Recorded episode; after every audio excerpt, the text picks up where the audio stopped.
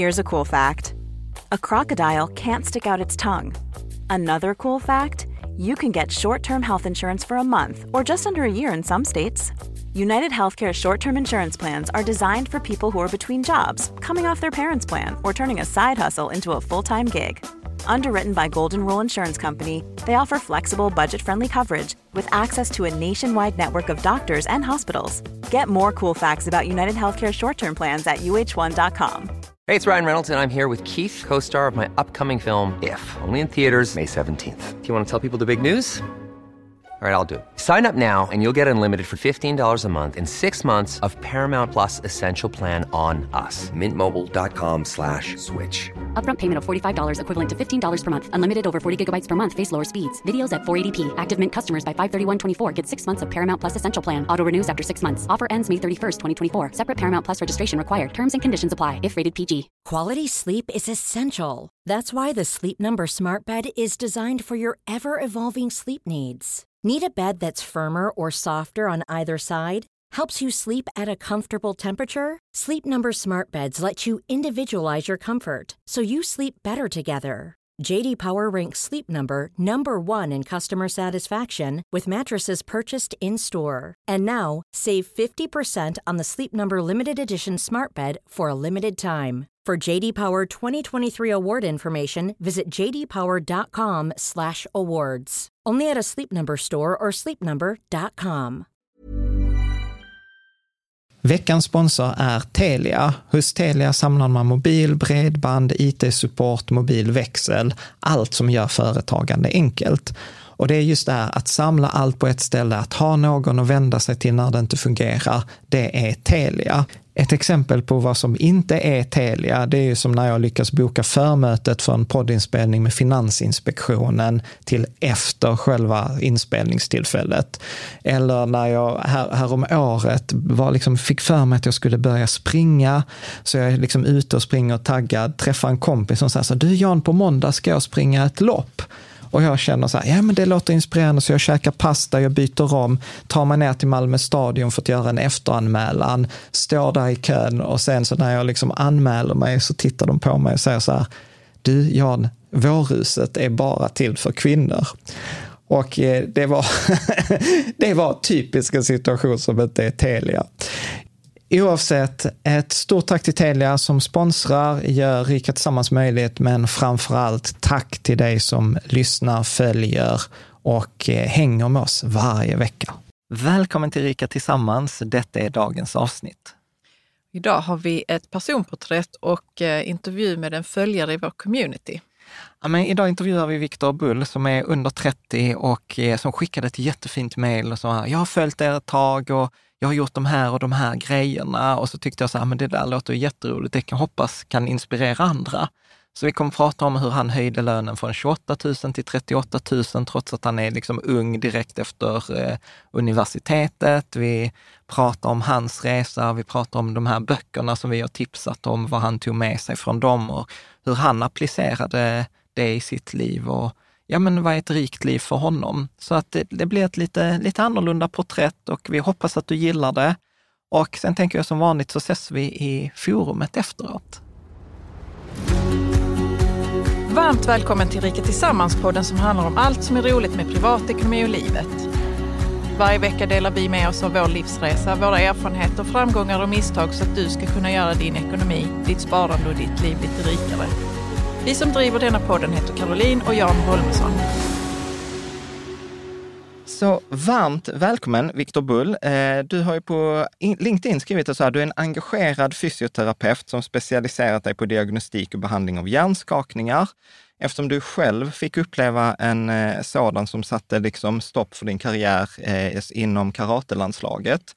Du har vunnit eh, 12 SM-guld och därefter så, om jag förstår rätt, pluggade du vid Lunds universitet för att bli då legitimerad fysioterapeut och jobbat som föreläsare inom idrottsmedicin eh, och varit en del av medicinska kommittén för svenska karatelandslaget. Och du driver podden Hjärnskakningspodden och jobbar med patienter med hjärnskakning på en läkarklinik i Malmö. Precis. Varmt välkommen! Tack så mycket. Kul att vara här. Ja, och det roliga var så att du skickade ju ett jättefint mejl till mig så för några veckor sedan och så var det så här, wow, detta var så här superinspirerande läsa liksom om din resa. Så tänkte jag så här, men det, detta, detta, jag ska inte bara svara utan så här, du får komma över så får mm. vi prata liksom om det. Jag tänker så här, vill du lägga till någonting i presentationen? Nej, det stämmer alldeles utmärkt. Det är väl den stora före och efter det här med att jag sysslar med sport innan ja. och eh, skadade mig och det ledde fram till vad jag gör idag. Ja. Så det är ett sånt tydligt klipp. Ja. Sen så kom den här ekonomiska resan in mitt i allt detta. Ja, men kan, precis. Kan du inte berätta, för du skrev så här, jag tror en, en av de första meningarna i ditt mejl, det var så här, ja men jag har gått från att pengar är inte viktigt i mitt liv till att, så att ja, men jag, jag vet hur, jag kan, hur pengar kan göra livet eh, bättre. Precis. Alltså, när jag har vuxit upp så har jag fått jättemycket från eh, mina föräldrar och min familj. Det har varit en superbra uppväxt. Men någonting som vi aldrig riktigt har diskuterat vid matbordet är försäljning eller hur man blir rik eller hur man tjänar mycket pengar. Ja. Så jag har alltid vuxit upp med att nej men, jag, jag har alltid velat bli fysioterapeut och så har jag tänkt att den lönen är så här, jag ja. accepterar det, jag ja. behöver inte mer i mitt liv.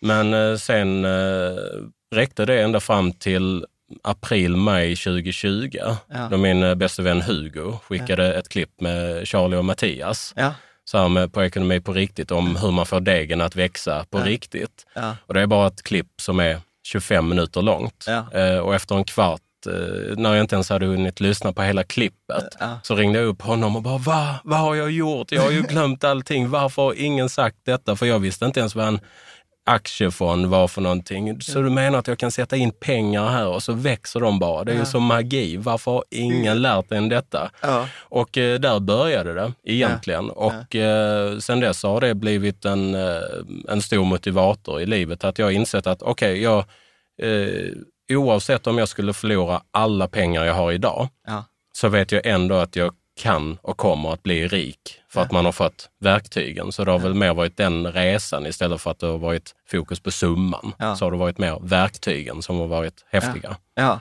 Nej, men jag, ty jag, tycker det där är klokt eh, och coolt för att eh, det, det, det är så där borde vara. Jag ja, kan, men, jag, jag... men eh, jag tänker också att det ger en sån trygghet att man vet som jag har verktygen så jag kan göra, jag kan få pengar att växa igen, även om jag skulle ja. liksom bli av med lite. Mm. Mm. Det där är ju egentligen, alltså så här, jag fattar ju rationellt att det där är en mycket bättre strategi än att eh, sätta värdet, alltså tryggheten i summan på kontot. För så gör ju många, att man tänker så här, jag har de här pengarna, det, detta är min trygghet. Men, men då vad som ofta händer då, det är, då kommer ju rädslan. Om jag blir av med de pengarna. Mm. Eh, Medan eh, till Warren Buffett brukar ju, när man ställer sådana frågor till honom på de här shareholders meetings, så vad är den bästa investeringen man kan göra? Så han sa, men investera i dig själv, för att det är liksom en färdighet eller ett värde som ingen kan... Det kan inte försvinna. Det kan ingen kan ta det mm. ifrån nej. dig. Mm. Och där har vi också tänkt oss att det är många i vår ålder som har slutat göra nya saker, eller försöka lära mm. sig nya saker. Men, men jag tänker så här, vi ska hoppa tillbaka så här, men när, när, du säger så här, men jag vet att jag kan bli rik. Så här, berätta, vad, vad är rikedom för dig? Vad är, vad är ett rikt liv? För det blir jag så här nyfiken ja. på. Uh, alltså, jag tror det är efter att ha läst Rich Dad Poor Dad som ja. man har fått den här uppfattningen av ett, ett rikt liv för mig. Det är att uh, pengamässigt ja. rikt så är det väl att kunna leva det liv man vill ja. oberoende av intjäning. Man, ja. man ska kanske kunna leva exakt den vardagen man vill ha utan att det ska kräva att man måste jobba en timme extra för mm. att fortsätta leva det livet. Att man har nått den leveln. Mm. Och sen så har det ju varit mycket inspiration från er och böckerna man har läst att det finns en, en annan rikedom och det är att jag vill kunna använda pengarna bättre. Mm. För att eh, nu har jag känt så här att det, det, spelar ingen roll att jag har så här mycket eller om jag hade haft tio gånger så mycket pengar som jag har i dagsläget. Mm. Jag kommer ändå använda dem bättre ja. nu än vad jag är uppväxt med att jag skulle kunna göra. Ja. Så det är väl så här, rikedomen för mig är mer att uh, livet är så bra utifrån den här visionen om att okej, okay, jag vet hur jag ska använda pengar för att göra det bättre för ja. mig. Det handlar inte om summan, helt, Ja. utan det handlar om vad man kan göra med dem och skapa istället. Ja. Den här penseln som du brukar... Ja, exakt, prata om. exakt. Ja, men exakt. Eh, precis. Ja, men att, precis, att det är en resurs. Men har du liksom några sådana här, för, för det brukar, jag fick ju den frågan bara häromdagen, så bara, Jan, vad, har du några sådana här mål i livet? Eller jag bara, nej, jag vet inte. Så jag brukar bli nyfiken. Har du några sådana här, du vet, så här, ja, men detta vill jag uppleva, eller detta vill jag köpa, eller detta vill jag göra? Alltså det jag vill uppleva just nu är det mycket kring eh, det företagsamma, verksamheten som jag bygger upp med eh, mina kollegor och att eh, skapa ett större syfte för det jag gör. Det är inte så många som jobbar med det jag jobbar med Ja. och då vill jag få det att växa. Eh, sen om det är mycket, jag, jag fick läsa den här eh, eh, Die with Zero Ja. igen för att få, få lite nya idéer. Och då insåg jag att jag har ju redan fått göra väldigt mycket saker inom sporten Ja. som många andra inte har gjort. För jag, under många år så har jag rest i 28 olika länder. Och både i Nordamerika och i Asien och hela Europa. Så jag har redan fått uppleva väldigt mycket och haft ett ganska privilegierat liv för att man har varit bra på sport. Eh, Så, då har det, så den här listan med saker som jag vill göra, den har blivit väldigt kort tidigt känner jag. För jag har inte så himla stora behov. Men det jag har insett nu senare, är att jag vill umgås mer med min sambo eller med min familj eller resa med vänner. Så helt, helt plötsligt så listan har minimerats på saker som jag vill köpa. Jag är väldigt ointresserad av att köpa en bil eller en ny tv. Däremot så är jag väldigt intresserad av att spendera pengar för att umgås med andra. Så det är väl det, att man bara vill fortsätta göra det. Mm. Jag pratade faktiskt med en kompis igår kväll eh, som var så här att när hon fyllde 40, då tog hon så här 40 kompisar. Hon var så här, jag vill inte ha någonting, utan vi är så här, vi är så här, för, jag fyller 40, vi är 40 stycken, låt oss åka till Belgien, liksom så här i fyra dagar. Och det tyckte jag också var så himla fint. Att hon var så här, ja men du vet detta är ett minne Mm. för liksom 40 pers som kommer komma ihåg detta Mm. eh, liksom resten, av, eh, resten av livet. Men eh, Victor, jag blev lite nyfiken på eh, eh, när din kompis skickade det här klippet Mm. och du kände så, typ mitt i det, bara shit, var, varför har ingen berättat det här för mig och det här är helt ny information. Mm. Var det så att du liksom dök ner i eh, eh, det här eh, ekonomiboksträsket, eller vad ska man säga? Med, med, med böcker och poddar och alltså att du såg så här, men här finns massa information för mig. Och vad, vad, liksom, vad tar du med dig därifrån? Vad var det för verktyg du liksom tyckte bäst om? Nej, men det var definitivt ett djupdyk i det träsket. Ja. För som person har jag väldigt lätt för att djupdyka i någonting som makes sense och bara nörda ner mig. Sen behöver det inte vara nörderi hela livet utan det kan vara väldigt koncentrerat under några veckor. Och då har jag bland annat er podd och Charlie och Mattias och alla böcker som ni har rekommenderat. Och jag, jag tror att det som skapar själva grundidén, det som jag har tagit med mig mest, det är väl dels hur man tjänar, men också hur man ska förhålla sig till rikedom, men också hur man ska få ut så mycket som möjligt av det. Så det har varit väldigt många olika bitar, men definitivt ett djupdyk i... För, för precis, för, för att det var också en av de grejerna du skrev så här, men jag har läst Rich Dad Poor Dad, Just Keep Buying, Psychology of Money, Rikaste mannen i Babylon etc. Mm.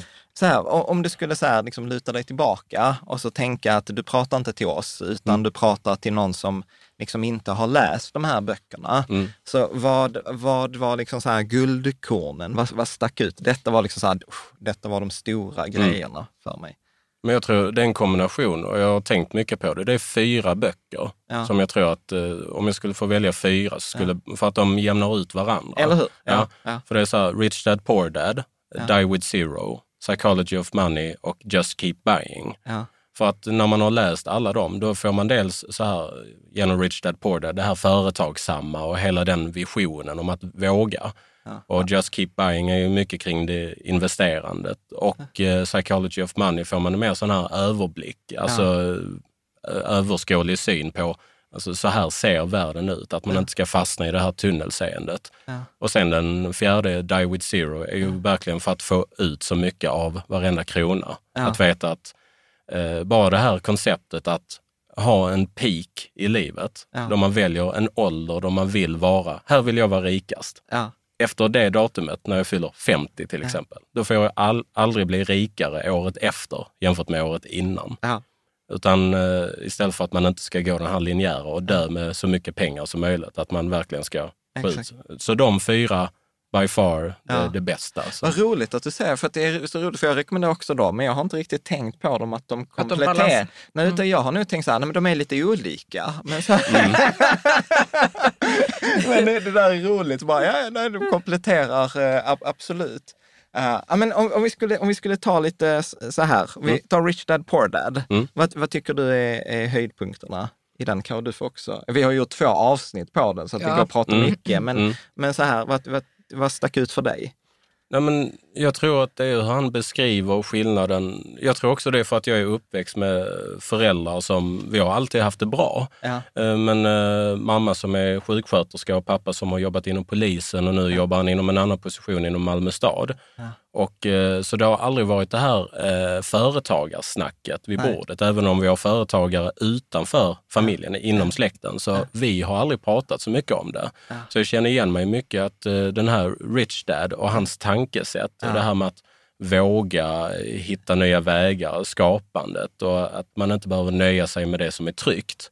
Och sen så har jag fått med alla andra bra saker från mina föräldrar. Så jag Ja. tror att jag såg eh, mycket detta att våga ta steget. Att Ja. det behöver inte vara så tryggt hela tiden. Ja, Det precis. Ja, men precis. Hade dina, för du har ju startat eget. Mm. Eh, så här, ha- hade dina föräldrar någon så kommentar eller eh, var så här, sen, min mamma sa ju så här, sen, sen skaffar du dig ett Just det, riktigt ja. jobb. Ja. Eh, men Nej, de har varit jättestöttande och hade jag velat bli egenföretagare idag hade de bara stöttat till 100 procent. Så Ja. jag har fått med mig otroligt bra stöttning eh, därifrån. Ja. Och sen min, eh, framförallt inom eh, mina mammas bröder. Ja. Många av dem är egenföretagare och Ja. jätteduktiga, så vi har det nära oss. Ja. Det är bara det, det har, det har aldrig varit det man har diskuterat vid matbordet när jag Ja. vuxit upp. Så det var lite nytt för mig ja, egentligen. ja men precis. Nej, jag, jag, håller, jag håller helt med, för, för så var det för mig också att, eh, att, att mina eller våra föräldrar har också varit så här, men min mamma sa akademiker och lärare och du vet så här, det är en väg. Trygghet har ju varit super, eller är fortfarande Ja, men super. för många är det väl en väg, alltså ett avlannat eh, arbete. Liksom. Mm. Så- Har det varit för mig också. Ja, men precis. Så att jag tycker han kontrasterar ju ganska bra så här, trygghet versus frihet. Det var väl egentligen Ja, ja. det, det jag tror också Mm. att eh, Rich Dad Poor Dad, eh, författaren Kiyosaki, Kiyosaki. ja, Robert Kiyosaki, att han också eh, i Många människor kan liksom locka fram det här där man är lite gränslös eller man börjar tänka större. Mm. Och man börjar få, få syn på att det finns något, någon annan värld än att vara, gå till jobbet varenda Mm. dag och liksom ha en viss lön och den kan inte ändras särskilt mycket Mm. Liksom detta året eller nästa år. Alltså att man kan få, för mig var det så i alla fall att jag fick liksom syn på att det, det finns något större och det finns folk där och de har en helt annan tillvaro kanske. Ja. Och ett eh, mer spännande liv också. Ja. Ja. Men jag tycker, jag tycker så att det han, det han kontrasterar mest, det är så här, trygghet versus frihet. Mm. Att de flesta av oss har trygghet, men vi har inte så mycket frihet. Vi har vårt 8 till 5 jobb, vi, har, vi vet vad vi kommer få i pension, vi vet vad som händer om vi blir sjuka, vi vet vad som händer om vi blir arbetslösa, vi vet hur mycket pengar vi får om vi är barn, föräldralediga. Så allt är färdigt. Men det blir också, liksom det som är tryggt blir också tråkigt. Kan bli tråkigt efter vilket- ett tag. Ja, vilket jag tror jag såg någon undersökning från Nordea, vad det var, tror jag sa 60 procent längtar efter att starta ett eget. Och nu behöver det inte vara starta eget, men att göra någonting där man skapar. Mm. Och sen, och sen kontrasterar han också så här, ja, men de flesta av oss, vi tjänar pengar på att byta tid och kompetens och energi mot Mm. pengar versus han säger så här, men tänk om pengar kan tjäna pengar. Mm. Så att det blir liksom hela tiden de här kontrasterna, eh, Ja. tänker jag. Jag tror till och med han säger det att han inte rekommenderar de flesta Att starta företag. Ja, ja. Utan det är helt okej. Alltså ni kan behålla era daytime jobs. Ja. Det är inga problem. Men att man kommer in i detta att istället för att köpa bil och ett nytt garage och en ny cykel, att man köper tillgångar. Exakt. Eh, och det är väl det som är den stora take-awayn Ja. från den boken, skulle men, jag säga. Ja, men exakt. Så att man Ja, inte jag- känner någon stress över att ah, jag är ingen företagare. Nej, och, nej, exakt. Det är jättebra att du säger det, Viktor. För att jag, jag lyssnade på någon podd med Ramit Sethi nyss, där han pratade om det här med jobb. Ja. Alltså att han, han har, ehm, han har liksom utbildningar i hur man, hur man skaffar sig sitt drömjobb, hur man förhandlar lön och sånt. Och sen har han också utbildningar i hur man liksom startar eget och hur man får idéer och sånt. Och han sa så här, ja, väldigt många kommer till mig och, och tänker så att jobb, det är lite fult. Man ska vara entreprenör. Man ska liksom vara någon som eh, ja men man ska vara den här coola entreprenören. Och han bara, men det är inte sant för många av oss. För många Mm. av oss är det, är det fint liksom och räcker bra att ha ett jobb och sen så kan man ha annan frihet vid sidan av. Liksom. Ha en Batman-karriär, det ska vi Ja. prata om sen också, så här, kvällar Ja, så och det helger. tyckte jag, ja, jag tyckte det var så skönt han sa det. För att Ja. Det är som du säger Viktor, alla kanske inte vill eller bör ska ha Nej. företag. Det är, Nej. det är inte där friheten kanske ligger Nej, heller. nej. Nej. nej så här, snarare, snarare tvärtom. tvärtom Att må, många jobbar jättemycket och tjänar mindre än vad de hade gjort på motsvarande, motsvarande ställe. Sen vill jag också bara säga, lägga in en passus om Kiyosaki. Alltså han, apropå, jag upplever så här, han pikade ju med den boken. Sen, sen behöver man inte följa Kiyosaki på Twitter eller andra grejer, för där, där säger han många konstiga, konstiga saker. Han har haft så här tio år i rad. Nu kommer kraschen, du ska ha silver, patroner och, och sånt här. Och jag bara så här, börsen bara- Patroner, vad är det för någonting? Men ammunition. Eh, Jaha. Ja, Ja, men han är lite amerikansk kanske. Ja, men precis. Så, så att jag menar så här, så att bo, boken är fantastisk, sen kan man skita i författaren i det där. Ja. Men jag, jag tänker om vi sen bara gör nedslag i de, i, i de andra, då Psychology of Money Mm. eller eh, Die with Zero har vi varit. Ja, men låt oss ta på Psychology of Money. Mm. Alltså, det, det är ju så många olika kapitel i den eh, som eh, kanske inte alltid hänger ihop. Men där är en scen då de eh, är på ett bröllop och han som gifter sig är superrik. Eh, och så har de en diskussion kring hans rikedom. Och så säger den ena av dem, ja fast jag har någonting som han aldrig kommer att få. Ja. Jaha, vad är det? Enough. enough, tillräckligt. Och det är så här det slog ner i mig att ja, alltså, man, man kan all, det kan alltid bli mer. Ja. Det kan alltid bli mer pengar, större rikedomar, större förmögenhet. Mm. Men att man någonstans får ställa sig frågan vad man vill och vad som är tillräckligt för en. Ja. Eh, För det är nog inte så många som har ställt sig den frågan. Ja. Man har bara frågat sig själv vad det är för lite, Ja, men inte vad det är tillräckligt. ja. Så jag tror det är stora takeawayn som jag Ja. tog från den boken. Hur, har du, hur har du applicerat det då? Hur tänker du kring, kring tillräckligt i ditt eget liv? Jag tror att eh, alltså det är ju stora delar. Det här är ju så här, eh, ekonomi och förmögenhet och rik, det är ju inte statiskt för fem ören utan det ändras från år till år vad man tycker och vad man behöver. Men eh, många gånger har jag tänkt att nej, jag, jag behöver inte så dyrt hem. Ja. Jag behöver inte någon dyr bil eller en dyr tv. Utan vad är det jag känner att jag behöver? Jo, men det som jag tycker om att göra, det är, det är de här bitarna. Ja. Hur skaffar jag tillräckligt mycket tid för att göra dem? Ja. Så mycket som möjligt. Och sen så kan det ju skifta med tiden, Mm. att man vill ha ett större hem. Men jag tror nog att jag har ställt mig frågan kring det materiella Ja. som har blivit väldigt ointressant för mig. Ja. Men Det, det här också när på, det är tillräckligt och sånt. För du har ju en sambo. Mm. Har ni pratat om de här sakerna eller är, är hon med på tåget? Eller, eh, hur- De, definitivt. Det blir oftast jag som tar upp det, Ja. i och med att det är jag som har läst. Men hon är relativt ointresserad egentligen, men hon tycker det är kul när vi väl diskuterar det. Ja. För, för bara det här med att eh, bara ta upp diskussionen, vi kan ha så här mycket i framtiden. ja, Och eh, vi har sagt vi behöver inte jobba till det att vi är 65. ja, Bara den tanken. Eh, Det, det fanns inte i mitt liv för fyra år sedan. Det fanns inte ens. Och förmodligen inte i hennes heller. Utan bara detta att okej, om vi gör på det här sättet så kan vi få ut så här mycket av livet just nu. ja, Men samtidigt att eh, när vi kanske är 50 om 20 år, då kanske vi kan välja helt själv vad vi vill göra. Vi kommer inte ha maximalt med pengar, men vi kommer kanske ha tillräckligt Ja. för att leva det liv som vi vill göra. Utan att behöva ja men precis, man fokuserar på en annan ratt. Ja. Men jag, jag tycker, alltså jag, jag blir så glad när du säger det, för att ibland så hör jag eller ser på, liksom, inte så mycket i vårt forum, men på andra forum, som nej men vi pratar inte så mycket om pengar. Och så blir det för mig så här, alltså att inte prata om pengar, det blir ju som att, ja men då pratar vi inte om livet vi vill ha. Alltså så här, för, för jag upplever att, liksom, inte att pengarna är målet, men pengarna är på något sätt verktyget för att kunna säga, men vi kan gå i pension lite tidigare, eller vi vill uppleva de här sakerna. Att, att det blir ju möjliggöraren. Ja, och det är det fina med det. Men jag tror anledningen är att, att det finns, eh, men som, som du och jag. Ja. Jag hade ju ett väldigt ansträngt förhållande till pengar Ja. eh, i början av vårt förhållande. Att jag tyckte det var svårt att prata om pengar. Jag stod inte för mina behov och mina wants, liksom att jag ville ha saker. För det var liksom fult och sådär. Och sen så kanske man har slösat pengar på någonting och den andra vet inte det. Och hur ska man berätta detta nu? Ja, ja, och sånt där. Alltså, där är Jag har fortfarande sånt Ja. som jag liksom sa, ah, jag måste berätta det här för jag nu, att, jag, att det inte blev bra där.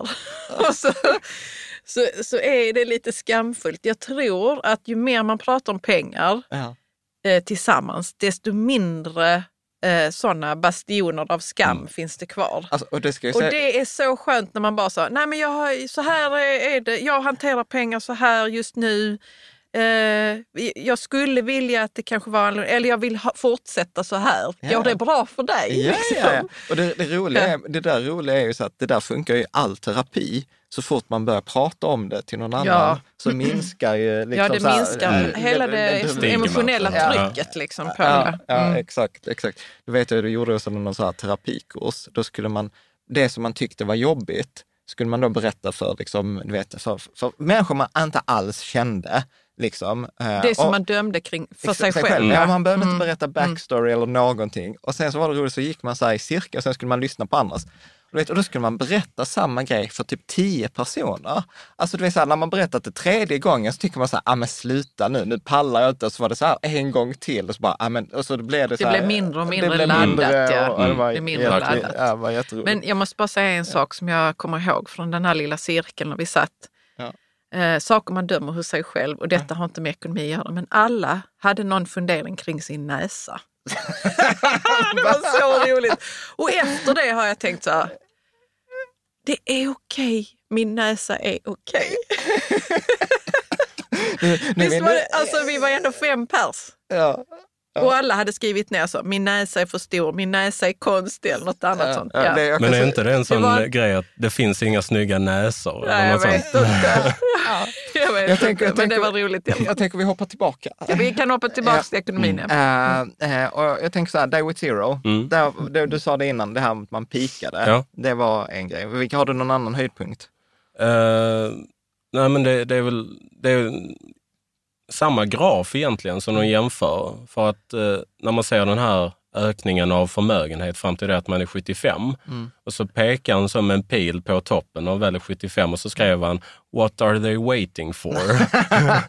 så här, vad, vad ska de med det till? Ja. Och det blir också en stor insikt att eh, för mig då, att i och med att jag har investerat väldigt mycket de senaste åren och ingenting jag ångrar. Men samtidigt nu har jag insett att okej, någon gång så kommer det bli tillräckligt. Någon Ja. gång så kommer det bli för mycket.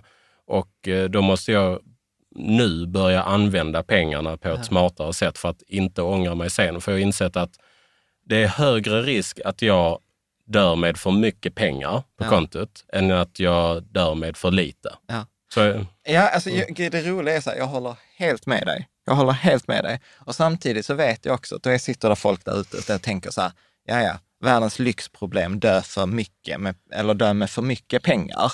Då kan man ju liksom ärva bort det. Men vad, vad tänker du, och, liksom så här, hur, hur tänker du kring det där att, ja men, för, för mycket pengar? Men Förmodligen att man inser att eh, man inte har använt sin tid till det man kanske tycker allra bäst om. Att oavsett hur roligt man har på jobbet så antar jag att man inte tycker att det är roligare än att spendera tid med eh, kanske sina föräldrar innan de blir allt för gamla eller sin, eh, sin partner eller sina barn. Så jag, jag är orolig för att man ska ångra någonting i slutändan. Bara Ja. för att nu har jag nappat så mycket på detta att bara som fysioterapeut och inte höginkomsttagare för fem ören ändå kan inse att man kan bli rik Ja. utan att vara en superföretagare. Man Ja. kan lyckas med det ändå. Men då vill jag inte fastna i andra änden, att jag sen inser att oj, jag fokuserade för mycket på intjäning och Ja. glömde allt det viktiga. Så jag Ja. vill så balansera ut mig själv egentligen. Ja, ja. Nej, men jag älskar det du säger, för att jag, jag tror också att det handlar, det handlar om balans. Att det blir, alltså jag, jag tänker mycket på det, så man har olika rattar i livet. Och så är det så här, men hur ställer jag så att det blir en bekväm liksom, volym på det? Eller så här, jag tror Helena, vår kompis, brukar prata om en orkester, att livet är som en orkester. Mm. Du vill inte att någon del av orkestern spelar för, För snabbt, högt nej. eller för högt, eller den, en annan del hörs inte alls Mm. eh, som får, får komma fram i livet. Men Viktor, får jag fråga bara. Eh, hur ser du då till Eller har du liksom någon kalkyl där du kan säga så, okej, men jag samlar så här mycket nötter nu, det vill säga pengar. Och de använder jag en del av och vissa, vissa investerar jag och då kommer det att, bli bra liksom över lång tid. Hur eh, ser du, för att jag tror oftast att man lägger undan mycket pengar och har mycket sen när man är 75 och inte orkar spendera dem. Det har att göra med att man är rädd att det inte ska räcka. Mm. Men då måste man ju liksom deala med den tanken också. Mm. Eh, Att, man, att man kan titta på pappret och säga det kommer att räcka. Och jag kan göra de här sakerna nu som kostar pengar och det kommer ändå räcka Mm. till senare. Hur har du, har du liksom någon kalkyl eller hur har du gjort? Jag har ingen kalkyl, men däremot har jag väl insett med mig själv att, och jag pratade med min polare Hugo och sa också till honom, Hugo, det är mycket större risk att vi kommer ha mycket pengar kvar än att pengarna kommer ta slut. För så är vi som personer. Så det är väl mer bara det att jag, utan en kalkyl så har jag lärt känna mig själv att det är väldigt låg risk att det kommer ta slut. Det är mycket högre risk att jag inte kommer använda det. Och så länge jag har den känslan så bör jag nog börja använda dem på ett annat sätt. Men jag har ingen kalkyl, utan detta är Nej, sånt men som jag går runt och att det tänker behövs på. inte Nej. kanske heller. För, och för mig behövs det en kalkyl. För att jag, jag är inte så. Jag tycker om att spendera pengar. Mm. Så att jag behöver liksom säga så, nej men okej, det kommer att räcka och jag kan spendera de här pengarna. Mm. Men, på, men se det i siffror liksom. Mm. Nej, men jag tror att det handlar precis som du säger, så här, om, om beteendet, vanan. Och det är därför jag också brukar säga att de som inte sparar, sparar för lite. Mm. Och de som tenderar att spara, sparar för mycket. Mm. För att det är just beteende. Det är få som är så här räknat ut, jag behöver spara 1258 kronor för att ha 85 procent sannolikhet för att träffa Mm. detta. Eh, så att, men där tänker jag, jag tänker faktiskt ofta att kombinationen är bra, för jag har ibland samtal med, med klienter där vi pratar om det och då, då man gör en sån här livsplan eller man, man räknar på hur mycket pengar blir det. Och då blir det precis som du säger att nej men, tricket är nog att fundera så här, om jag är 80 år gammal, vad är risken att jag kommer ångra mig kring? Och vi hade ju det samtalet bara för någon vecka sedan i, när vi hade vår kick-off, att det var så här skidresa. Så kom vi fram till att nu har vi inte åkt på skidresa, det skulle vi nog ångra fem år, ja. på Mm. fem år. Men ändå sen när jag bokade efteråt och du vet så att det hade gått, ja, men, du vet flygresa etc. Och vi satt så här, där är 8000 där och det blir si och så många tusen. Då var det ändå som att vi tyckte det var jobbigt. Ja, ja, ja. Men Alltså, vi jag, jag, ju fick det, jag fick det i förrgår. Ja. För att eh, jag, nu köpte jag en, eh, en weekendresa till min sambo i julklapp. Eller vi har inte beställt den ännu, men vi ska, så kommer förmodligen åka någonstans inom Europa. Ja. Eh, två, tre nätter. Och eh, så tittade jag på, och det, det skulle ju inte kosta alls mycket Ja. egentligen i det stora hela. Men så tittade jag på summan och bara så här, det, den här summan, jag skulle inte ry- rycka på axlarna en sekund för att investera dem. Ja. Men så fort man ska börja konsumera dem så gör det lite ont Ja, ja. i en. Och, men då, då insåg jag, okej, men då är det ett bevis, tänkte jag, på att jag riskerar att dö med för mycket. Exakt, När, jag känner den känslan, Ja. att jag, för vissa är kanske tvärtom, åh gud, jag vill inte investera det, jag vill bara konsumera det. Då riskerar de kanske att få slut. Ja. Men så länge jag har den här känslan att det är jobbigt att konsumera, då vet jag att då är det kanske det jag borde Ja. göra mer av. Ja, exakt. Men exakt. tror du inte också att du kommer att... eh, Nu vet jag inte hur många sådana weekendresor eller hur du har konsumerat hittills, men ju mer man övar sig på något beteende, desto lättare blir det ju också. Och sen så kanske du ser då pengahögen växa på sitt håll. Liksom. Mm. Så att man ändå får de här minnena och man får pengahögen Mm. Hur samtidigt. är det för dig, liksom. Caroline? Jag tycker att ju mer jag övar på ett beteende, desto lättare blir det. Ja. Så tycker jag. Mm. Hur, vad säger du? Nej, nej, absolut. Jag, jag absolut. vet inte. Har du ett exempel på? Ja. Ja, vad ska vi... Tycker du det är lättare så att köpa skönhetsprodukter? Ja, eller? det tycker jag är lättare nu. Ja. Eh, det tycker jag. Men Ja, alltså detta får vi kanske klippa bort. Jag Nej, har nej. inget bra Nej, exempel. det behöver inte. Nej, nej, men men jag- just med skidresan För, ja. så är jag så. Jag vet att vi har en pengahög Ja. och jag vet att vi har tyckt om att åka sk- på skidresor förr. Ja. Att det är fina minnen. Vi har gjort det många gånger förr, så Ja. då, då känner jag så här, men det är ingen big deal egentligen de här 50 000 eller vad vi lägger. Ja. För vi kommer att ha minnena, men vi har ändå pengarna också. Ja, ja. Alltså, så, för Jo, vi har ju så absolut. mycket Ja, absolut. eh, jag- historia så jag vet. Jag kanske känner mig trygg i historien. Ja, Ja. Men vad, vad jag tänker är ju att, att äh, om, vi ska ta, om vi tar Ramizeti också, Mm. så, som vi var inne på. Jag, jag gillar att göra vissa saker strukturellt. Alltså så här, att säga så här, men detta är min regel. Detta är min, min struktur för det här. För att till exempel nu så har vi ju infört här, inga andra investeringar än indexfonder. Absolut, ja. Ja. Vi har gjort det. Ja, så, så, så att då har det varit ganska enkelt. När det har kommit det där mejlet med så här, vi har investerat lite i vin, så är det så här, nej men det är enkelt att ta bort det. Jag Mm. behöver inte ens lägga liksom, den mentala energin på så här, ska vi köpa den här, investera den här champagneflaskan? Eller när det kom nu ett erbjudande, så här, men vill ni vara med och investera i detta onoterade bolaget? Så vi bara, nej. Och sen när det sociala liksom, trycket kom, eh, så här, men vi, vi, vi ska investera i det, ska ni inte hänga på? Mm. Så, så har vi så här, nej men vi har vår regel nu att inga andra investeringar än indexfonder. Eller när, om vi tar skidresan, hur en regel ser ut där var att okej, vi tittade på att köra upp till Sälen och så är det så här, nio timmar med en femåring i bilen. Ja. Går det att göra? Absolut. Är det värt, och då när vi tittar så här, det kostar oss 8 000 flyga fram och tillbaka till Sälen. Så, så, ja, men då prioriterar vi hellre liksom en och en halv timmes resa istället för nio timmars Mm. resa där vi inte vet, så här, behöver vi stanna halvvägs för att de inte pallar. Mm. Eh, etc. För att vi inte heller pallar det. Ja, ja, nej, Jag men tycker det är trist att köra bil så långt. Ja, Mm. så, att, så att jag tror ju mycket att, eh, att det handlar om regler faktiskt. Och jag har ju till och med sagt till vissa, vissa klienter så här, som ska träna mer på, Mm. på det där att, men vet du vad, denna månad får du inte spara. Ja. Eller, eller alltså, lägg undan tusen spänn på ett konto och de här pengarna eh, måste du använda till någonting. Och har du inte använt dem i slutet av året, du får inte lov att investera Mm. dem. Och då, då var det någon som var så här, ja, då kan jag ge dem till LO. Och jag bara, varför till LO? "Ja, Jag tycker inte om LO. Nej. Här så har man det som en Så sån där man antimorot. Ja, ja, precis. Ja. Eh, så Ja, så att jag, precis, jag, ja. jag tror mycket att man ska sätta upp regler och struktur. Alltså jag vet att- inte, jag fattar inte dina regler riktigt. Jag tror ni har pratat om det innan, just detta att man, man har eh, regler för vad man inte köper. Ja, och regler för vad man också köper. Precis, att det är, det är viktigt att ha regler för vad man köper. Men har vi, har vi strukturerat upp detta på något vis? Ja, inte, är inte tillräckligt Nej, tydligen. för Men, att jag men, har ju, jag, jag tror att jag jobbar också efter regler, efter tidsfönster till exempel, att det Ja. finns tidsfönster nu. Ja. Men jag vet inte vad det är regler egentligen.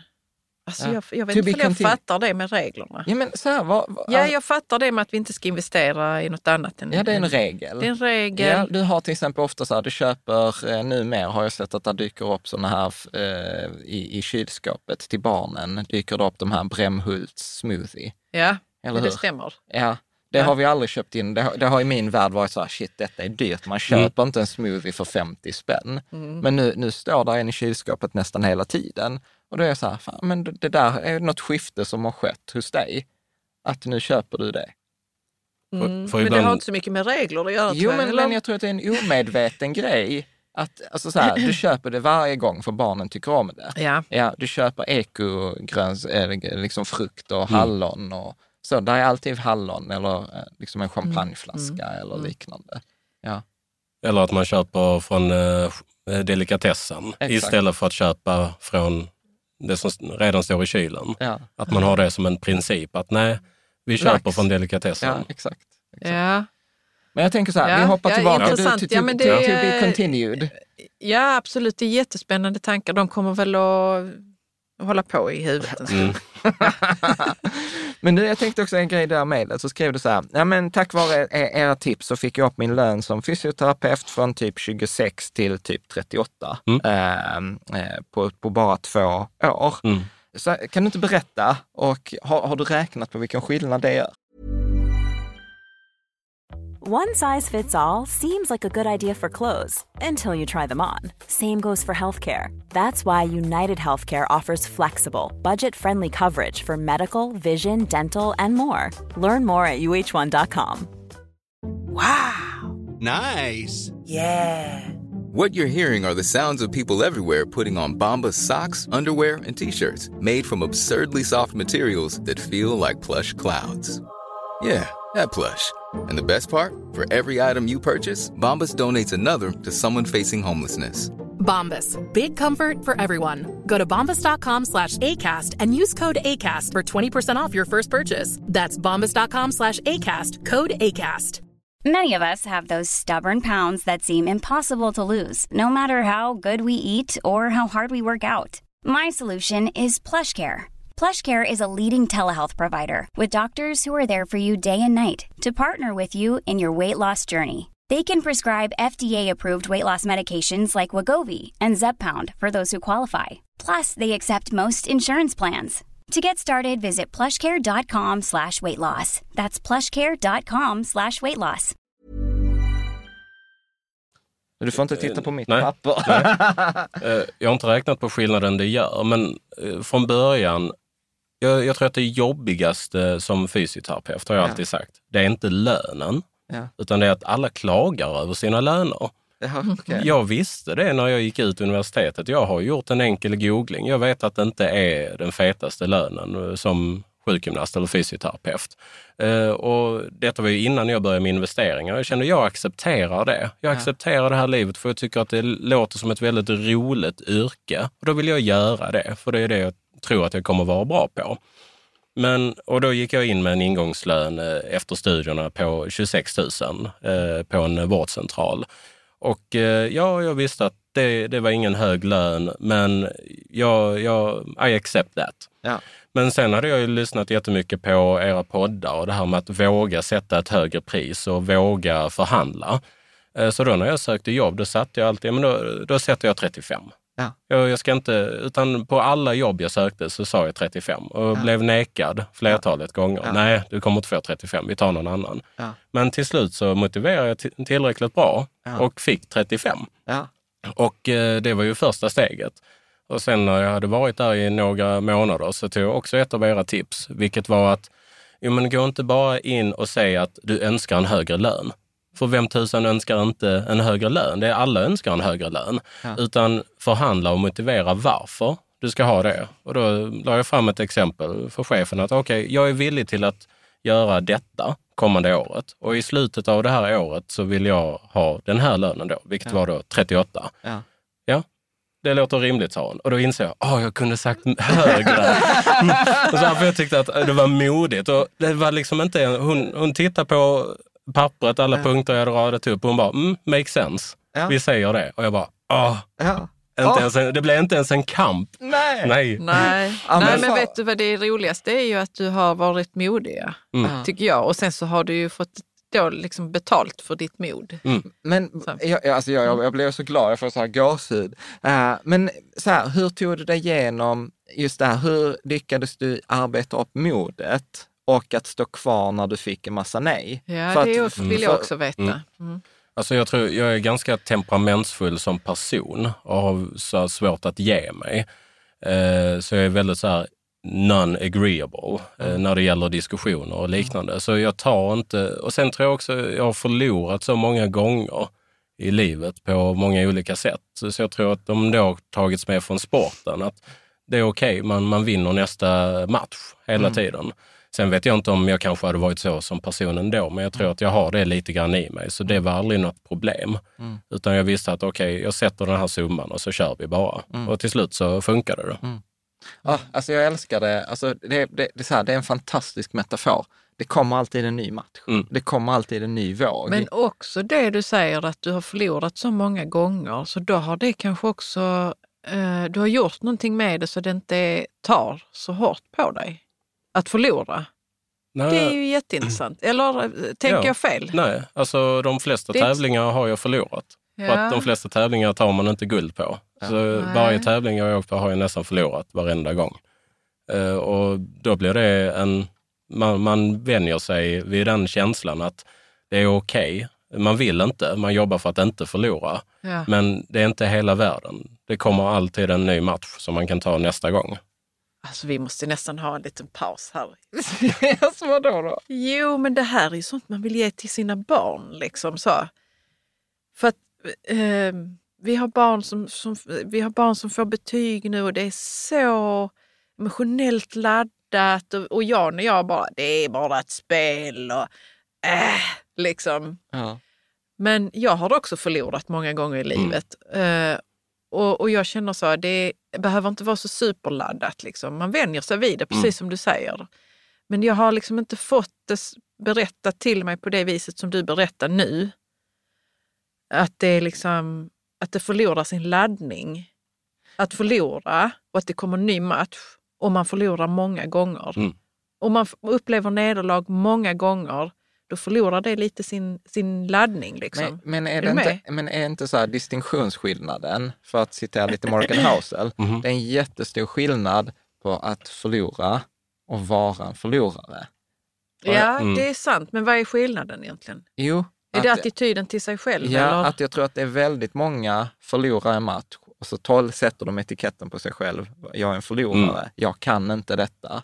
Och det, Morgan Housel skriver det så här, nu minns jag inte exakt hans definition, men om vi, om vi fortsätter på detta resonemanget, så är ju förlorare är någonting jag är över tid, medan att förlora en match är något jag gör temporärt. Mm. Ja. Och det säger ingenting om mig som en, eh, som en person. Jag kan fortfarande vara en vinnare, men jag har förlorat en match.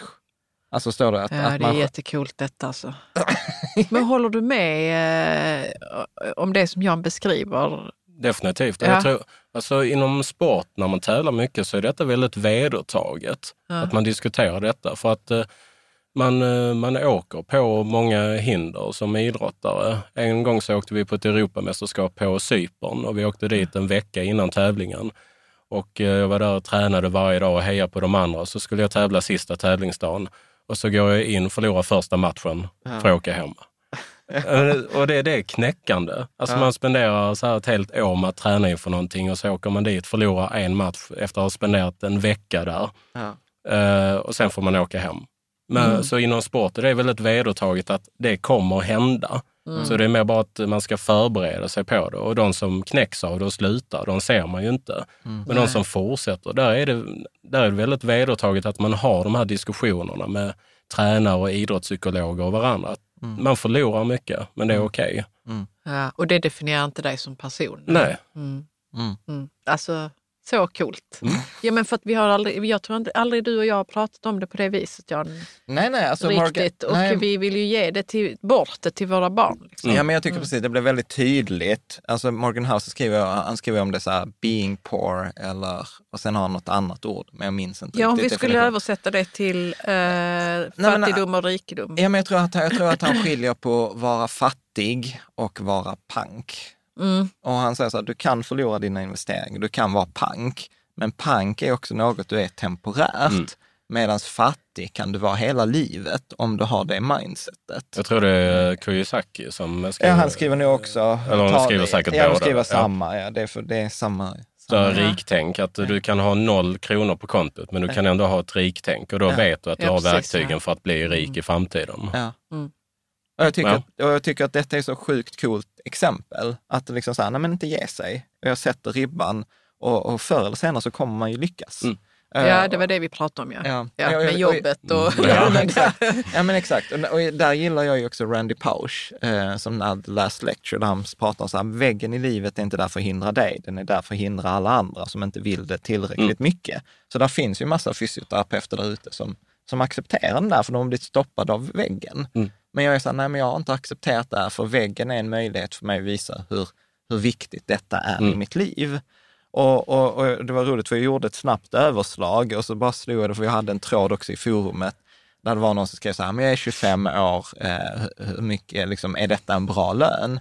Så finns det så här SCB, eh, man kan dra så här, men så här mycket tjänar en 21, 20 till 65-åring, så för varje år. Mm. Så jag bara slog det där, att för det är coolt, du, du är 28 ish. Mm. Ja. Eh, Du tjänar ju, du har ju samma lön som en 50-åring. Mm. Så du har ju liksom så här, om man tar så här ekonomiska loppet i livet, så du springer ju där 50-åringarna är redan vid 28 års ålder. Och det tycker jag är ganska coolt. Och de där bara 12 000 kronorna så tidigt i livet, alltså det är ju över 6 miljoner kronor i årsinkomst. Eller för, inte Ja. års, inte är livs... Schysst. Sorry. sorry. Livs, livsinkomst. Mm. Och, och av de 6 miljoner så blir det dessutom så här 1,3 miljoner i pension. Mm. Bara rakt upp och ner. Ja. Så att det där är ju liksom, Snacka om liksom en så här megavinst Mm. eh, tidigt, eh, tidigt i livet. Jag tror det är det som jag vill säga till många också. För jag är inte så företagsam av naturen. Jag måste öva för att bli företagare och ha det mindsetet. För oftast kan jag by default bara gå ner eh, anställning, trygghet, Ja. jobba inom vården. Ja. Där får du alltid ett jobb. Ja. Eh, Men jag, jag insåg ju det tidigt att ja, jag behöver inte ens bli företagare. Jag behöver inte ens bli höginkomsttagare. Jag kan fortsätta som fysioterapeut och ändå med rätt investeringsmetoder få ett superrikt liv. Och jag tror väl det är det som många kanske sätter att att bli rik, det är så långt borta. Ja. För då är det, Det är företag... inte för mig. liksom. Det är inte för mig, för då är det företagande och 14 timmars eh, arbetsdagar och, aldrig träffa barnen. Ja. Det behöver ju inte vara så. Nej. Alltså så här, där, vi måste också slå ner på det. Jag vet att jag är orsak till det där, men det där är också myt att företagare är rika. Några få, Mm. absolut. Men majoriteten tjänar ju, alltså återigen, majoriteten tjänar ju mindre eh, än om de hade varit anställda. Mm. Så, så att det där är ju superviktigt. Men bara så att jag kollar, för att du, du jobbar som anställd eh, på en klinik, Ja. eller Ellen, Ellenbågen. Precis. Eh, ja. Eller El- Ellenbågen hjärnskakningsmottagning. För att eh, för de som bor i Ellenbågen är ett väldigt stort gammalt läkarhus. Ja. Och i det läkarhuset finns jättemånga separata verksamheter som inte har någonting med varandra att göra. Så det är allt från vårdcentraler till ortopeder till liknande. Och i det huset så har vi vår mottagning för just hjärnskakningar. Så Ellenbågen är väldigt många olika verksamheter i samma byggnad. Ja men bra, då har vi löst det också, för jag har varit där flera gånger. men, visst. jag, men, men jag har liksom aldrig fattat upplägget, ja. upplägget Nej. eh, i det där. Men, men jag tänker om vi bara ska ru- runda tillbaka här, så vilka, så här, vilka, för du, du är både så här, du är ung, du har precis liksom efter examen du, du har, och du har kommit upp högt i lön tidigt. Om du skulle liksom så sammanfatta tips till liksom de som lyssnar eller till någon liksom förälder som vill ge liksom tips till sitt barn som är liksom eh, på väg ut i arbetslivet. Vad skulle just de här, dina bästa tips vara? Jag, tror väl framförallt om man ska jobba inom en offentlig sektor eller som anställd, att förstå att man ska kanske inte se chefen som en boss som man måste så här tiga inför eller slåss mot, utan se chefen mer som en kund. Att om du ska sälja en produkt, dig själv, till en kund eh, och de ska betala ett bra pris, då måste du presentera produkten som en bra produkt.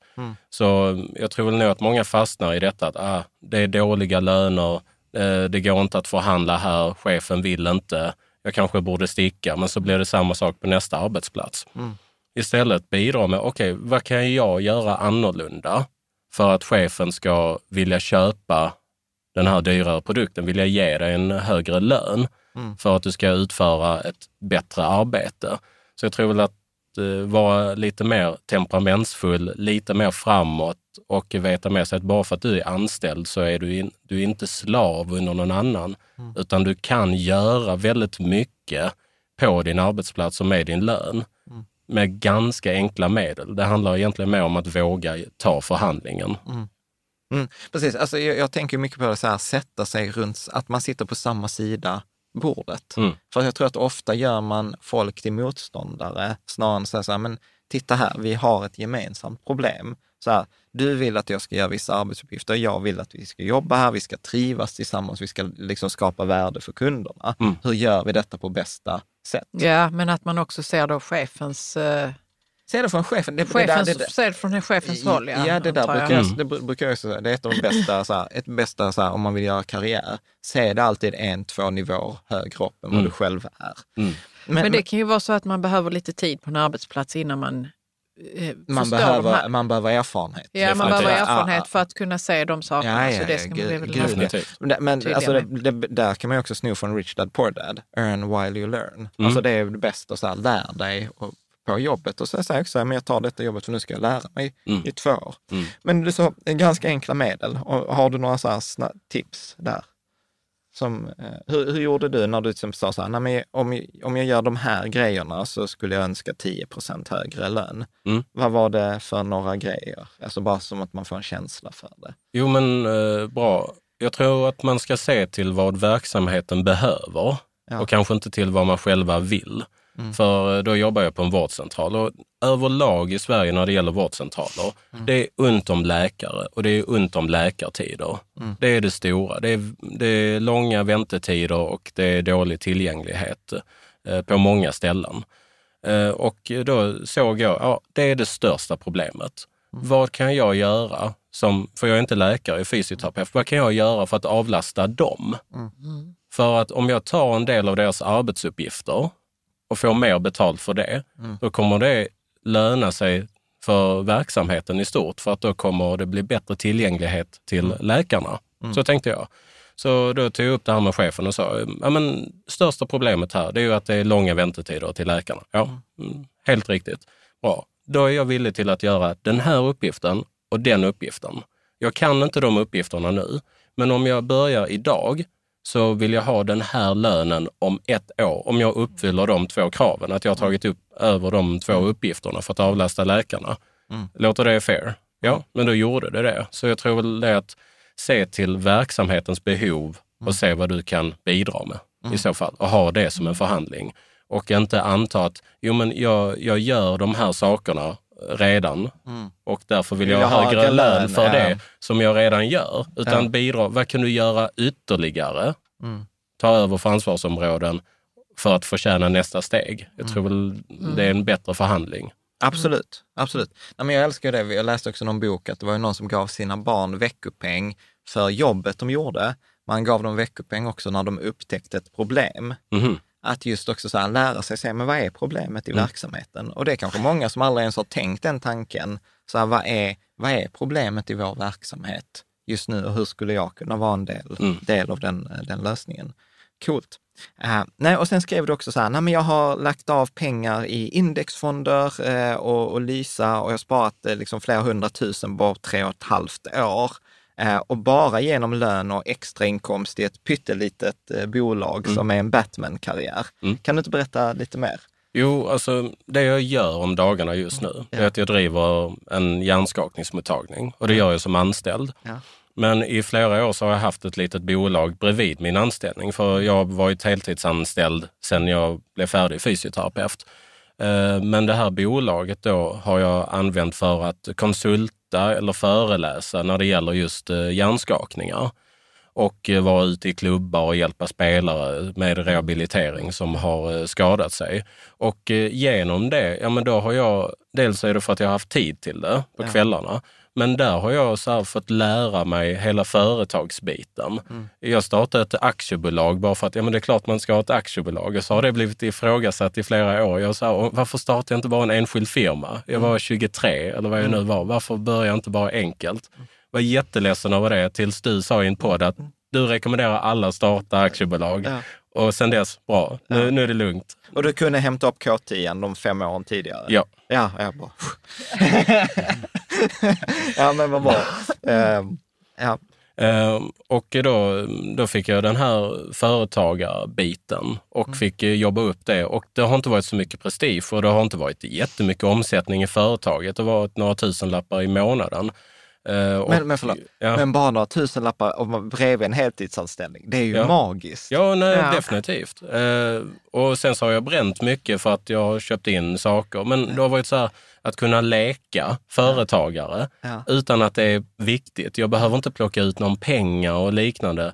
Men jag har ändå lyckats ta en utdelning på företaget. Och på det sättet så har jag fått verktyg på fritiden som en hobby som dels har genererat mycket kunskap för att jag har gjort mycket misstag och lärt mig mycket. Jag visste inte ens vad moms var när jag startade företaget. Utan Ja. då fick jag så här, eh, gå på kurser, gratiskurser med Skatteverket. Jag fattade ingenting, jag hade noll koll. Men eh, då har det blivit dels en hobby och lärande samtidigt som det har kunnat generera pengar Ja. under tiden. Ja. Så det har varit sjukt roligt. Ja. Och framförallt så tror jag också så här, jag tror att det bidrar ju dessutom i ditt jobb sen som anställd. Mm. För du har ju en helt annan förståelse för hur ekonomi hänger ihop, hur företag hänger ihop, att kanske till och med se de där problemen. Mm. Eh, De där att- dolda strukturerna Ja.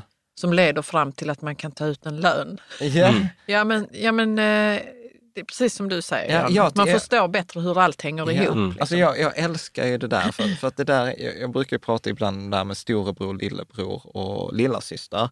Att många tror ibland att så här, när jag ska starta eget, och är så här, jag jobbar som anställd, sen säger jag upp mig, sen startar jag eget. Och jag blir alltid så här, någon säger det, bara, det är bara så här, det är skitläskigt, jag skulle Mm. avråda alla från det där, utan det bästa är ju att göra det så här parallellt, Mm. precis så som du har gjort. Och att det inte behöver, då behöver det inte vara någon press. Och, och allt blir ju en bonus, precis som du säger.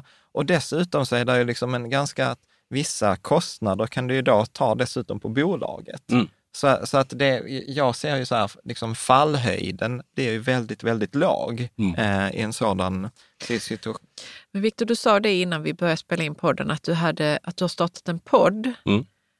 eh, och att du har ett Instagramkonto då för den här sidoverksamheten. Mm. Kan du berätta lite mer om det? Mm.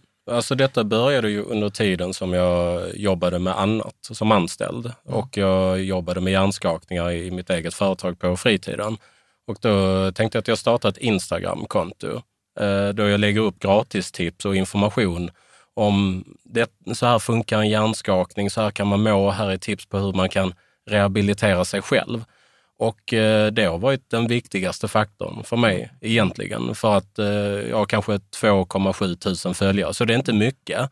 Men det har genererat så himla mycket eh, respons Ja. från person, personer som är drabbade av hjärnskakningar. Och det har gjort också att eh, jag har startat en hjärnskakningspodd, eller Hjärnskakningspodden och eh, lägger ut avsnitt där. Och det har gett jättebra respons det också. Så jag har märkt att ju mer, ju mer saker man har gett eh, gratis och bara velat få ut det, desto mer har man fått tillbaka. Så det har blivit så här självkörande. Så Alltså, Men vad heter eh, ditt Instagramkonto? fysio, hjärnskakning. Ja, vi kan Ja. lägga upp Eh, en länk. Vi lägger länkar lägger en länk. Mm. Men, men det där tycker jag också är så himla fint, för att det där är också det som Kiyosaki pratar om. Så här, där är ett överflöd. Man behöver inte vara liksom i brist, utan så här, ge, men, ge, liksom, Ge som- människor värde, Ge ja. människor, eller så här, så som jag kommer ihåg, det var så här, hjälp andra människor att få det de vill ha, så kommer de hjälpa dig att få det du vill ha. Mm. Och, och vara den som ger först och ger Ja, mest. det är jättefint. Men vad, eh, Victor, vad har du fått? Du säger att du har fått jättefin respons och så. Vad är det, hur ser den ut, den responsen? Är det att folk har hört av sig och du har kunnat ha dialoger med människor eller hur har det sett ut? Alltså det största problemet man ska komma ihåg med hjärnskakningar, det är att det är ett väldigt underbehandlat eh, problem. Det är väldigt många som eh, får en hjärnskakning och majoriteten blir bra av sig självt. Men de det är verkligt synd om, det är de som har problem i många månader och år och är sjukskrivna och man får inte riktigt något stöd i detta. Så det har ju varit den största gruppen och det har varit alltifrån före detta idrottare till folk som har varit med om bilolyckor eller cykelolyckor på fritiden. Eh, Det är de som har hört av sig och tagit del av de här tipsen. Att de har gått ifrån att vara rädd för sina symptom, vara rädd för att leva, till att återhämtningen sker genom att börja exponera sig, börja försöka eh, utmana sig själv på olika sätt i livet. Så det är ju Ja. den stora patientgruppen som har gett den största responsen. Men en, en vanlig fråga som kommer, jag vet brukar komma med så här, men jag får inte lov att ha sidoverksamhet eller på jobbet. Och jag tänker så här, du har ändå en sidoverksamhet som ligger Mm. ganska nära det du gör på dagtid. Alltså din Batman-karriär Ja. och din dagkarriär är lite samma. Och Hur, där, har du, hur har du löst det? Eh, tidigare löste jag det genom att, eh, ja, alltså man fick ju anmäla en bisyssla Ja. eh, och eh, den bisysslan konkurrerade inte med eh, den vårdcentralen som jag jobbade på. Men det jag gör idag, det är ju att när jag åkte ut och fick träffa lite handbollsspelare i Ystad som hade drabbats av hjärnskakningar. Där jobbar en läkare eh, som har varit läkare för handbollslandslagets eh, herrar i tio år eh, och det är numera min chef. Mm. Så där pratade vi ihop oss, Daniel Järhag heter han. Och eh, då bestämde vi oss att vi ska starta en hjärnskakningsmottagning tillsammans. Och det innebär ju att sedan den mottagningen startade i, tidigt i år så bedriver jag väldigt lite, om ens någon, verksamhet i mitt eget bolag. Mm. Eh, Så eh, i år har varit det första året då jag inte gör så mycket i mitt Ja, eget så, så din Batman-karriär har nästan blivit din dagkarriär. Ja, precis. Fast som anställd. Och Ja. för mig har det varit, alltså jag hade inget, det, jag lever lite av en dröm för att det jag ville, det var att starta en hjärnskakningsmottagning. Ja. Mm. Men jag hade inte kunnat göra det själv idag, utan jag tänkte att det skulle vara om tio år. Men tack, Ja. men tack vare mina två läkarkollegor, eller läkar, ja, chefer blir det ju egentligen, som tog tag i detta så, och lyckades möjliggöra att vi driver mottagningen tillsammans. Då kunde jag börja göra det nu. Så Batman-karriären har blivit mycket, mycket mindre, Ja. men bara för det bättre. Ja. Egentligen. ja, men och det Ja. där är så coolt också. Du vet, för det så tänker ju också folk ibland, "Ah, men det ska jag göra om tio år. Ja, men, men vänta, vänta, vad var det du gjorde då som, som gör att du ligger tio år Ja, men före? prata, prata, Du- du- prata och ta eh, möjligheten. Ja, precis. Möjligheter som uppenbarar sig genom att du höll på då med din Batman-karriär. Ja. Du tog de möjligheterna. Ja. Ja. Okej, jag vill bara vara tydlig. Ja. Men, jo, men för, för ibland kan man tänka så, "Ah, men hur då, det kan inte jag göra. Nej, men det handlar ju om att se möjligheterna, Ja. eller hur, när de dyker upp. Ja, och det, är det, det, det, detta är också varför jag alltid pratar så, här, men du vet, gör din sidogrej, det du tycker är roligt. För man, man har ingen aning var det tar vägen. Och bara genom att du gjorde det där vid Mm. sidan, ja men så här, hade man gissat så här för fem år sedan eller tio år sedan, så här, nej, men du så här, när du är 28 så kommer du ha, driva detta tillsammans med andra, du kommer ha en lön som en 50-åring, eh, och du kommer alla så, då hade man ju inte, man hade ju inte trott att människan var seriös. Nej. Eller hur? Jag menar, eh, när jag var 21 och fick, eh, fick min sista hjärnskakning, Ja. då förlorade jag ju dels två jobb under den tiden. Hade svårt att klara av studierna och eh, hade svårt i förhållanden och liknande. Ja. Och nu, jag, nu är jag helt frisk och mår helt bra, men det pågick i cirka fyra år. Ja. Och under den tiden hade jag ingen aning om att det skulle bli detta. Så det har blivit så från en förlorad idrottskarriär som var framgångsrik, som ledde till att jag mådde väldigt dåligt i många år och nu jobbar med att behandla den skadan som jag mådde dåligt av. Så jag tycker att det har flutit på väldigt mycket och eh, med tanke på vad jag var för fem eller tio år sedan, Ja. det, det, det går så fort. Man kan inte ens föreställa sig vart man kommer vara egentligen. Ja. Nej. Mm. Men är, du har- är det på något vis en tillgång för dig i ditt jobb nu att du själv har haft en sån hjärnskakning som har pågått så, liksom haft effekt så länge på ditt liv? Definitivt, eh, för det är ju den stora patientgruppen som jag träffar. eh, De som lev, lever så som jag levde då. Eh, Sen tror jag också att det ger en viss, att folk tycker att det känns bra, att de pratar med en person som har varit. Sen tycker inte jag att det ska krävas för att man ska kunna Nej. hjälpa folk. Men det är många som upplever att det känns skönt att prata med någon som har gått igenom ungefär samma sak. Mm. Ja, men exakt. exakt. Jag Ja. tänker så här, jag måste ställa en fråga också om sparandet. Mm. Eh, eftersom annars kommer ju de andra som bara, men Jan, det är en ekonomi på. Precis. men hur, hur, hur är din plan för sparandet? Vad är strategin? Eh, liksom?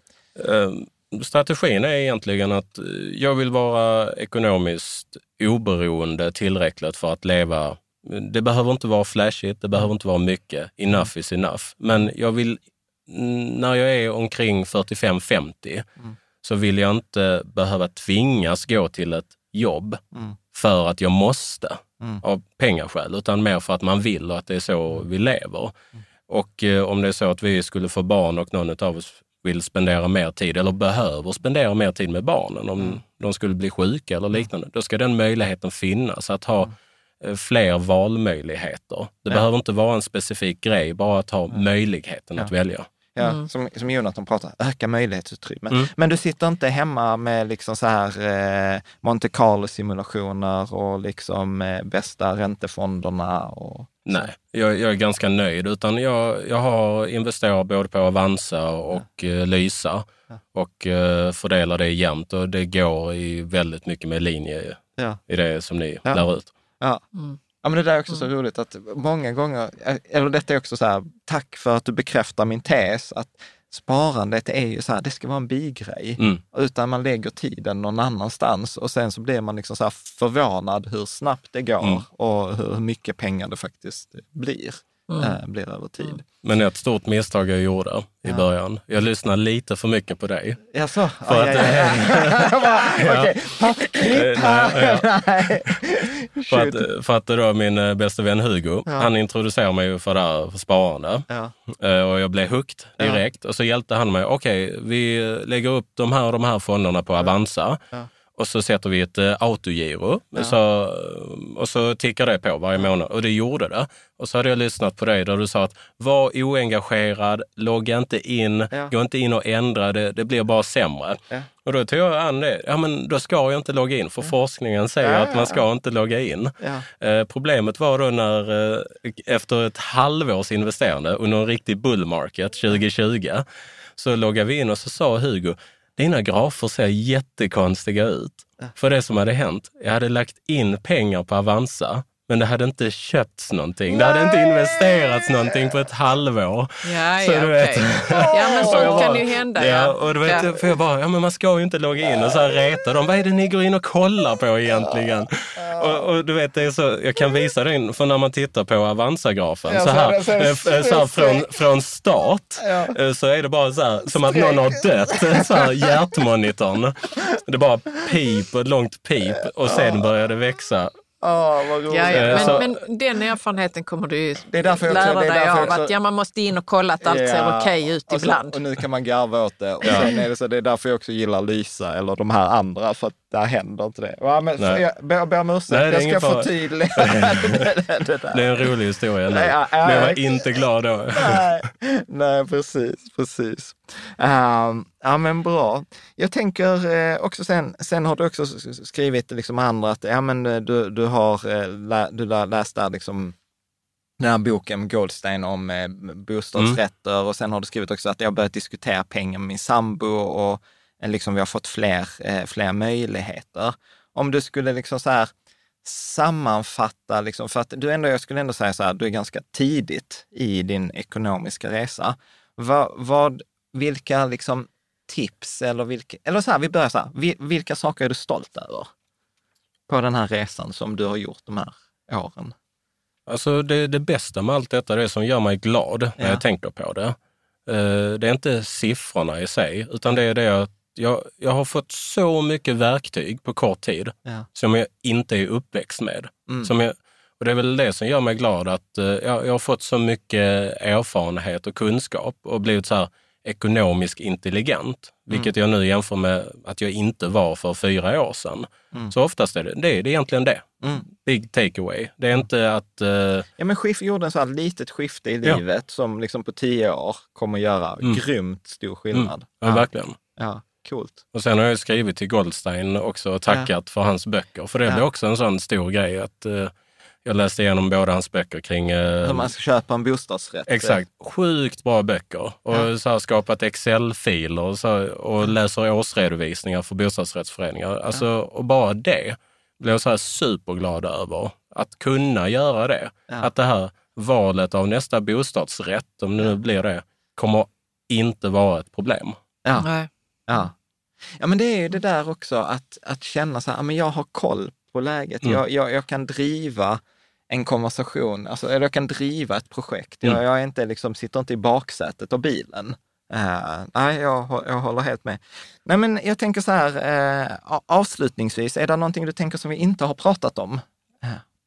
Nej, alltså tycker vi har täckt det mesta och jag, jag kan väl egentligen bara säga ett stort tack Mm. för allting. För dels har jag lyssnat jättemycket på er podd och fått Mm. jättemycket boktips och kunnat bolla tankar med kompisar och familj. Mm. Eh, Så jag har fått ut extremt mycket och sen förstår jag att det räcker inte bara med att sätta hörlurarna med en podd Mm. eh, till någon annan. Man måste göra någonting aktivt. Mm. Och jag har väl kanske haft en talang för att djupdyka i någonting som jag tycker verkar sjukt vettigt. Mm. Men jag kan säga att jämför man, jämför man mitt liv för fyra år sedan, vilket var ett jättebra liv, Mm. men mindsetet när det gäller pengar och framtid och invest- investering, helt annorlunda. Tack Ja, men- vare genom att lyssna på er podd. Ja, och ta- tack själv Viktor. Och där Mm. vill jag verkligen också skicka tillbaka det, för att det är liksom inte vi som har gjort skillnaden i ditt liv, utan det är så här, det är ju du som har gjort det. Så att det, det är ju det, det är verkligen det det handlar om, att inte bara, bara få insikten men sen faktiskt agera på den. Mm. Men då tänker jag så här, eh, avslutningsfråga, så här, har du firat? Eh, Vi plan... eh, Jag tror att resan kom in där lite. Ja. Ehm, och jag vet att du nämnde det här med att man skulle fira, att man gör på det sättet vi gör. Ja. Ehm, jag har inte bestämt riktigt hur, Ja. men det kanske blir att vi gör någonting under resan som vi annars inte hade, hade gjort. gjort. Att man gör någonting ännu extra, bara av den enkla anledningen. För jag tyckte det var väldigt fint att du skrev det att bra jobbat, Eh, sluta med det du gör, kontakta din sambo, boka in någonting som gör att ni firar att ni faktiskt gör på det här sättet. Ja. Och att man inte bara fast, för det kan också bli ett ekorrhjul. Ja, ja, gud ja. Och att man firar att man faktiskt har gjort bra saker Ja. för sig. Ja, men det, precis, för annars blir det så lätt så här, man bakar kakan i, liksom i ugnen hela tiden, Mm. men- sen, sen käkar tar man aldrig den, man tar aldrig ut den, utan Exakt. den får bara, det får bara vara där. Ja. Ja, men snyggt. Du, eh, och var, om man vill komma i kontakt med dig, var Mm. hittar man eh, dig? Instagram är egentligen eh, lättast att Ja. eh, kontakta mig på. Fysio hjärnskakning. Sen har vi en hemsida också, men Instagramen är absolut enklast. Ja, och hemsidan är? Eh, Fysiohjärnskakning.se. Så det är samma som Instagramen Ja, egentligen. Ja. Ja, men precis. Ja, men Viktor, fantastiskt stort tack. Tack för att Tack. du var så generös och delade med dig och, och liksom delade med dig av tips och tankar. Jag tänker så här, vi får göra uppföljning här sen om något år. Så bara så här, hur går det? Just det. Och ta, ta, med, ta med sambon också så här, hur Om har det varit att leva? Om hon vill det, ja. Tack. Ja, Tack så jag hemskt ska mycket. tacka. Kul att vara här. Tack.